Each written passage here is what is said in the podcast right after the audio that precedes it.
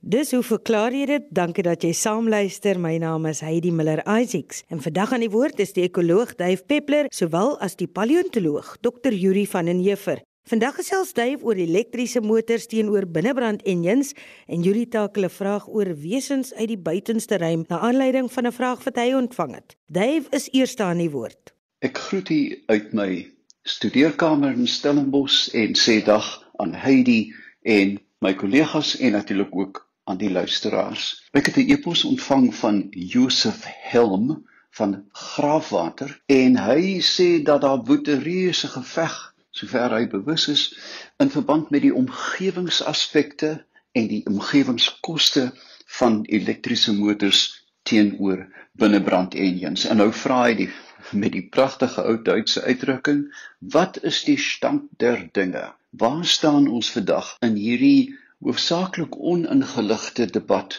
oor die voor- en nadele van elektriese motors teenoor binnebrand engines. Nou ja, 'n elektriese motor is eenvoudig 'n motor wat deur 'n gelaaide battery aangedryf word.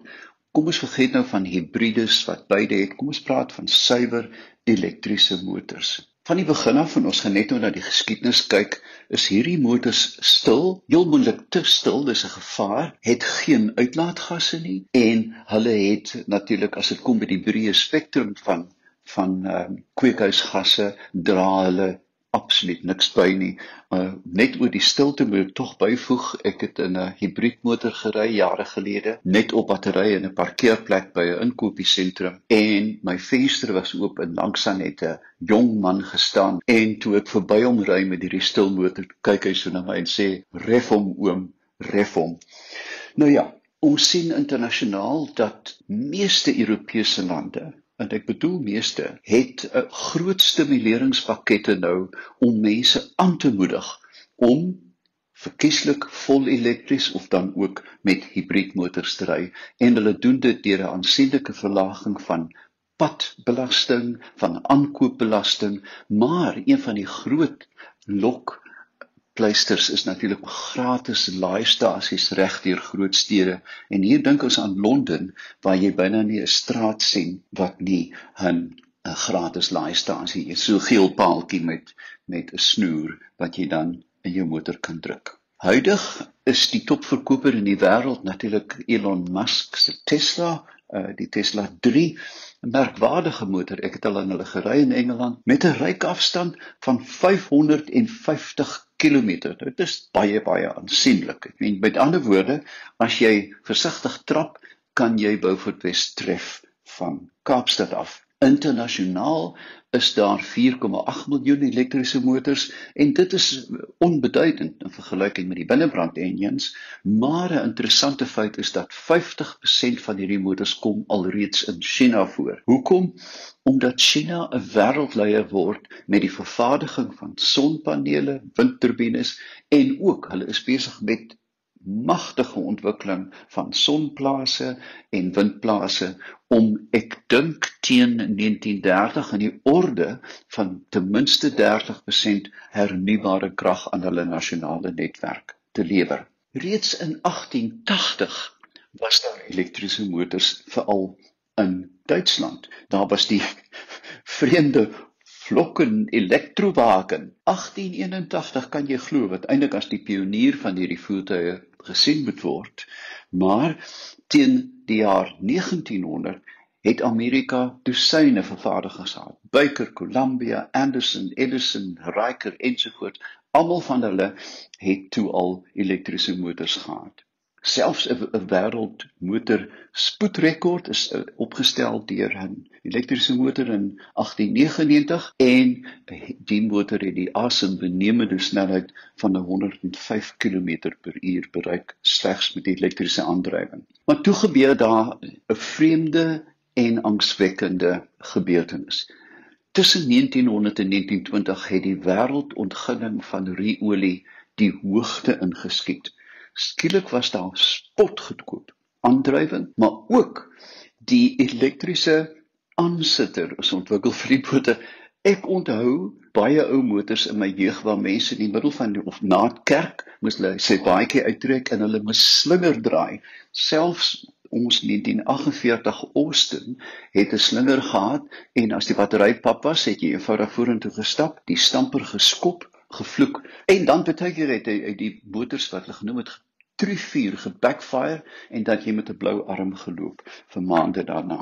Maar die teenkeerpunt met elektriese motors het gekom in die 1960s met die ontwikkeling van MOSFET transistors. Nou, Henk Geier kan julle vertel wat 'n MOSFET transistor is. Maar dit het beteken dat die die laai tempo, die laai rigting na die batterye ensovoorts baie maklik en vinnig beheer kon word en natuurlik die grootste deurbraak was in die vroeë 1980s met die ontwikkeling van die lithium-ioon battery wat vandag die standaard aandrywingsbattery van hierdie voertuie is. Nou ja, ehm um, vandag as ons na die groot makers kyk, die groot vervaardigers troon Tesla bo almal uit en dan kom Toyota, Mitsubishi en dan ook die bekende Nissan met hulle pionier vol elektriese motor, die Leaf. In terme van weerstand, prys en persepsie was 2010 die draaipunt. Hier het die verkope van elektriese motors internasionaal werklik begin uh toeneem. 'n Tweede ding wat ons moet onthou is dat die koste van 'n elektriese motor bestaan uit 50% bloot aan die battery. Die daai een battery onder die vloer of in die kattebak kos die helfte van die aankoopprys van hierdie motor.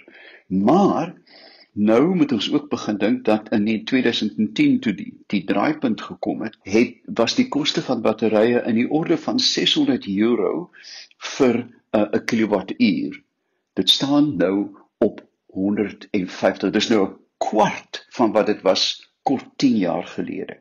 Hierdie motors indien hulle konformeer met die standaard model van 'n elektriese motor het geen um vlugtige organiese soutte wat dit uitlaat, geen koolwaterstowwe nie, geen koolstofmonoksied, ozone, lood of stikstofoksidie nie. Met ander woorde, um in teenstelling moet ons ook onthou met met waterstofgedrewe motors wat eenvoudig net water los. Hulle laat eenvoudig geen gasse vry nie. 'n Tweede aspek wat ons hier ook moet net vlugtig aan dink, dit hang in 'n groot mate af van hoe jy jou motor laai. Het jy 'n sonstelsel by die huis en ek kan met, met groot vreugde sê dat dit nou dramaties begin toeneem. En as dit die geval is, kan jy mettertyd verdiskonteer teen die aankoopprys van jou motor. Maar um, as 'n mens dink in terme van die konsentrasie van hernubare energie reg op Suid-Afrika, dan maak dit sin om 'n elektriese motor in Appington te ry of in die Suidwes-Kaap of die Suid-Kaap waar daar windplase is. Want alhoewel dit 'n moeilike som is, uh daardie gebied se toevoer word gebuffer deur volhoubare energie. Derdens kom ons nou by die werkverrigting.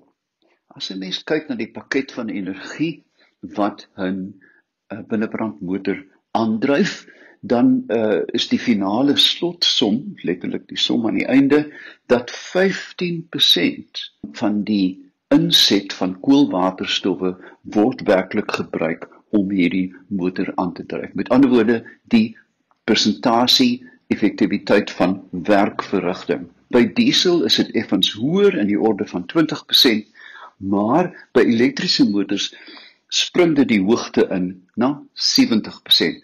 'n Pragtige voorbeeld vir my as fietsryer is dat 'n fiets is 95% effektief in terme van energieaanwending wat jy slegs 5% word verloor deur wrywing, windweerstand ensovoorts.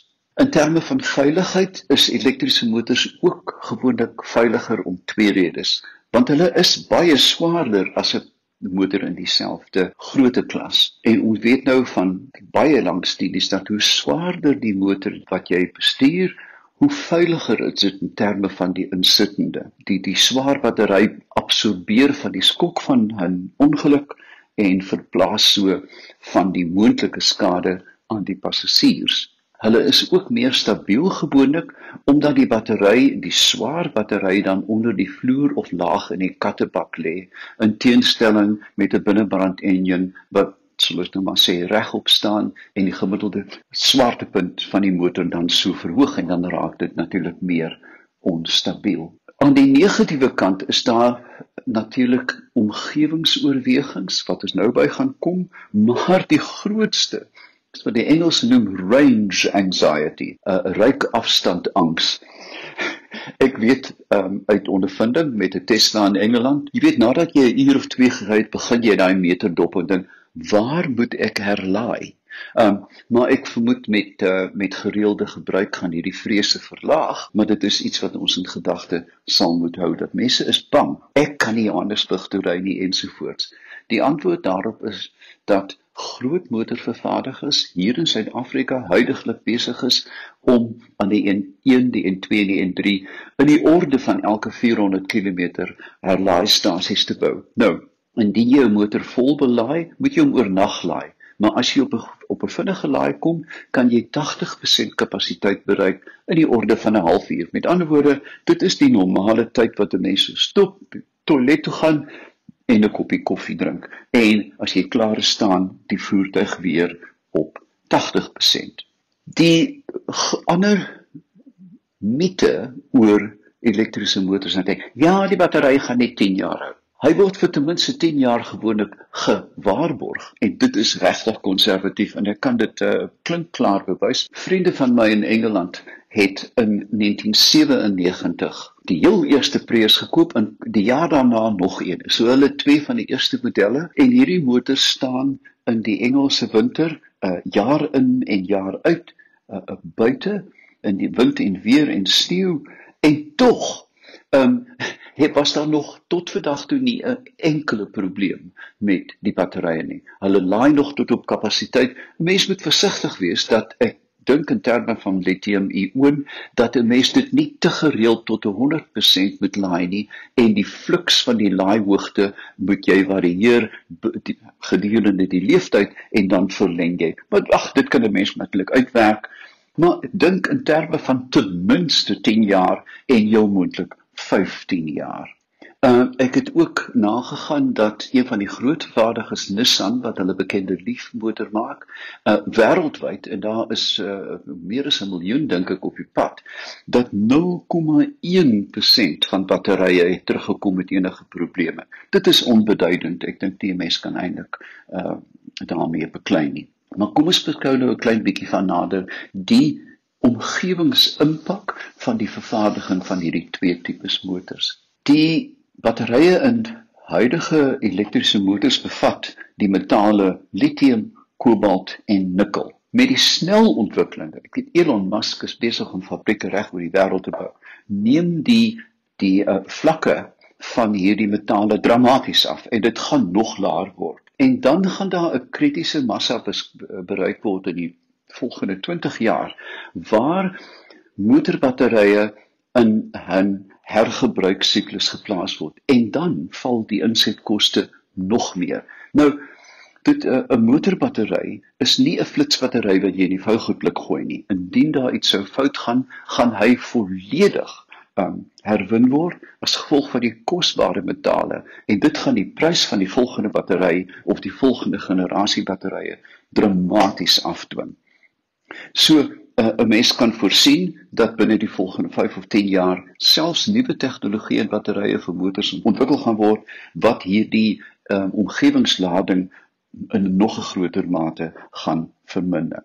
Uh in die finale analise as mens kyk na die totale insetenergie van die vervaardiging van 'n elektriese motor is dit 58% minder as 'n uh binnebrand enjin en as jy dink aan die totale uitset van die vervaardiging van die motor in CO2 is die finale produk 64% uh meer vriendelik ten opsigte van CO2 verbruik.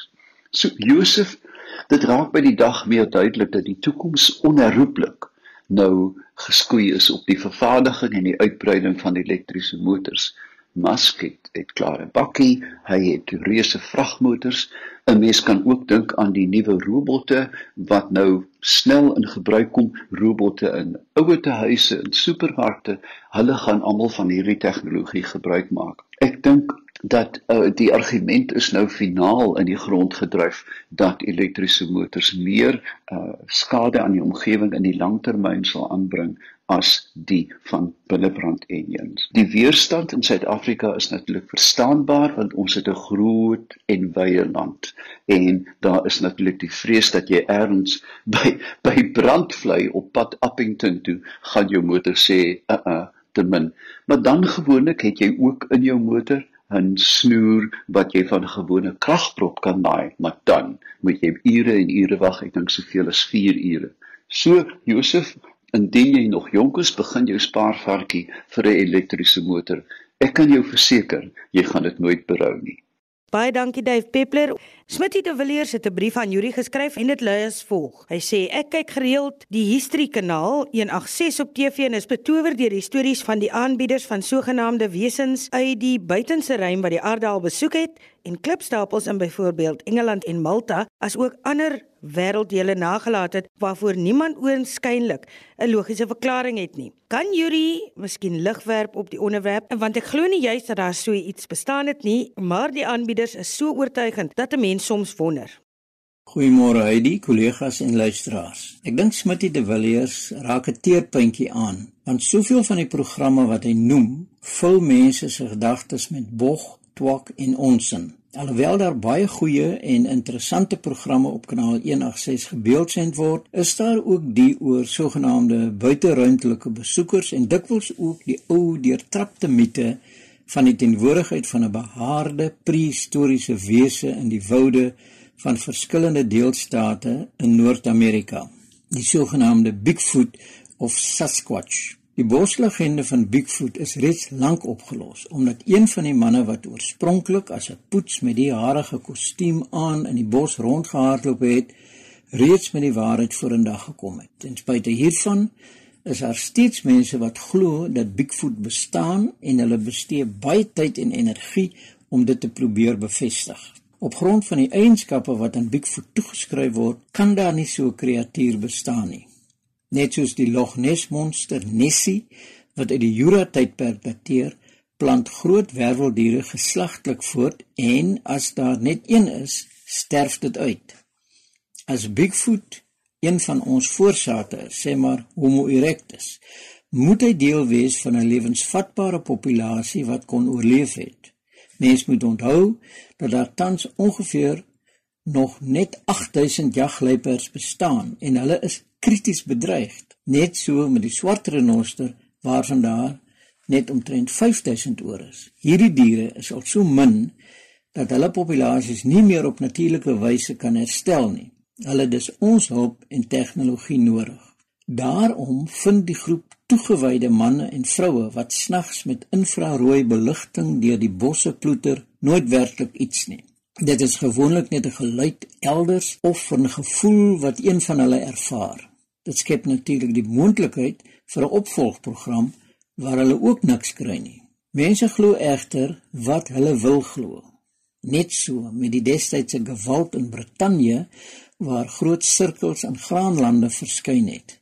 Binne die sirkels was die graan netjies platgedruk wat aanleiding tot die naam crop circles gegee het. Mense was aanvanklik stom geslaan oor die enaardige fenomeen wat oornag op landerye verskyn het.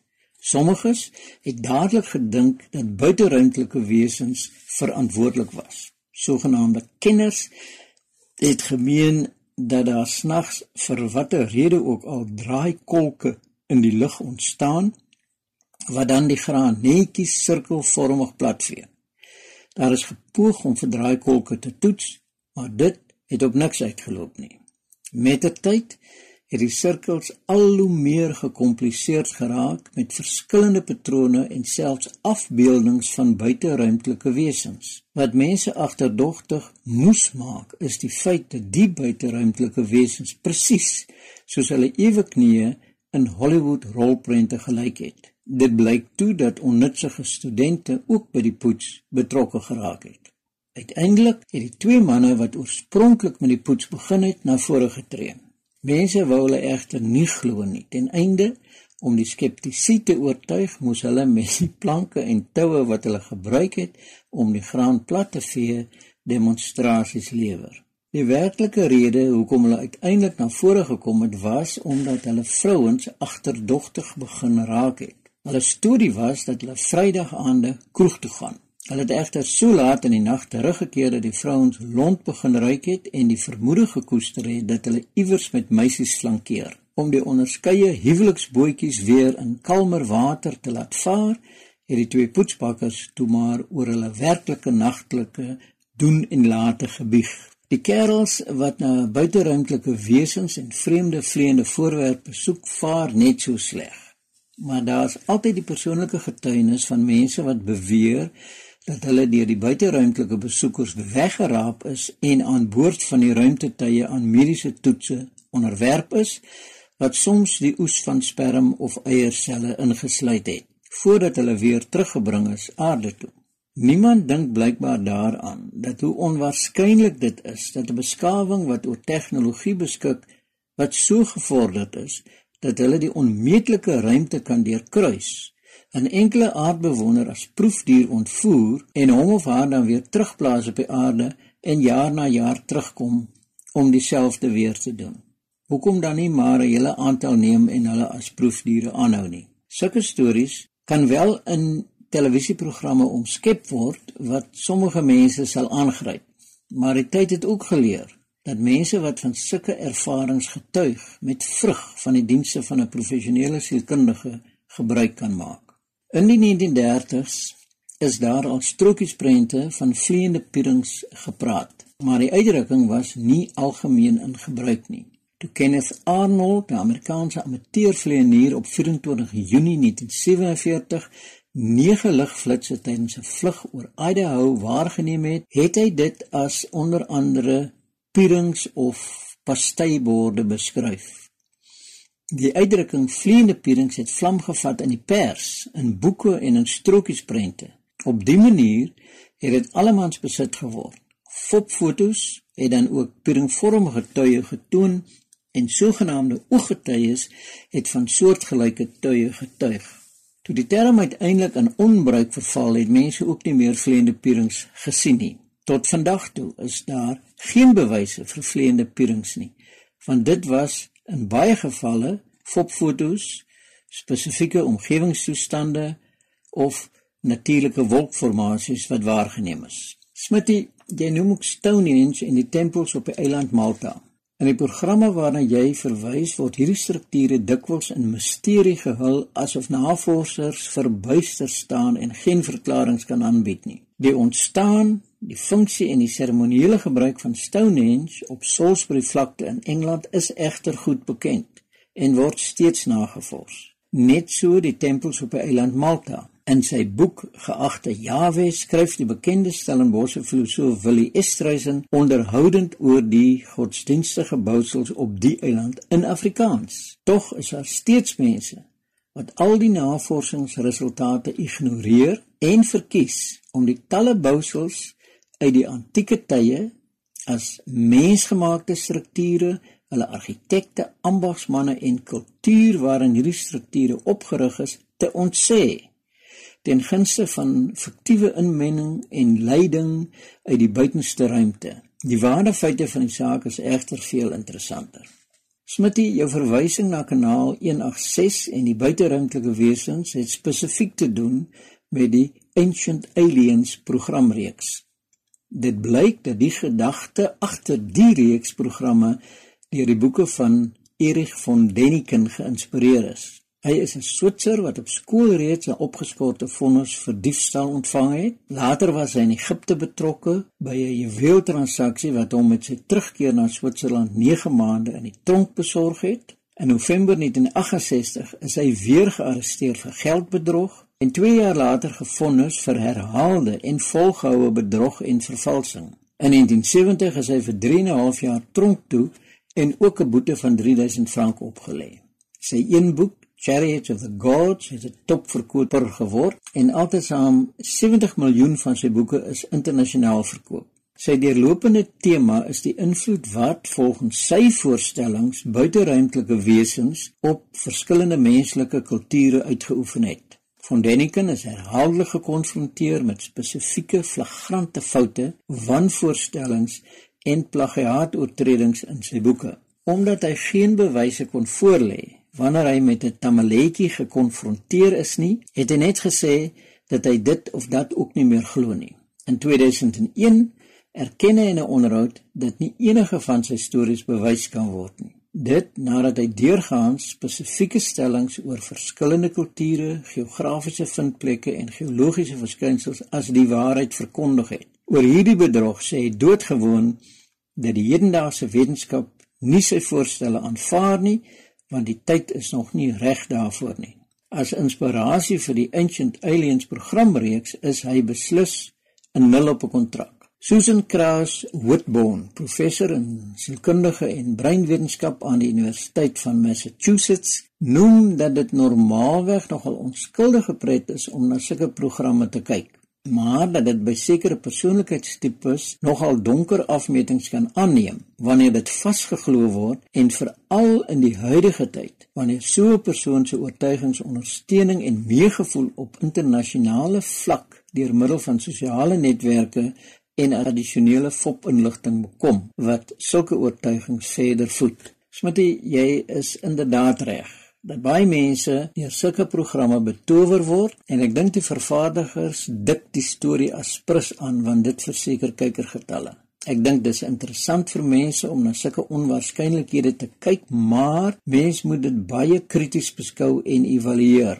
George Claassen, jarelank koerantman en steeds ombudsman vir die pers, het reeds 'n term vir hierdie kritiese benadering uitgedink. Daar bestaan ook 'n platvloerse weergawe, maar ek sal dit nie oor die lig sê nie. Ek bly dus maar by 'n meer besadigde weergawe, my eie maaksel, te wete 'n snertfilter. Dus wanneer na sulke programme gekyk word of geluister word, behoort jy jou snertfilter na snelrad oor te skakel.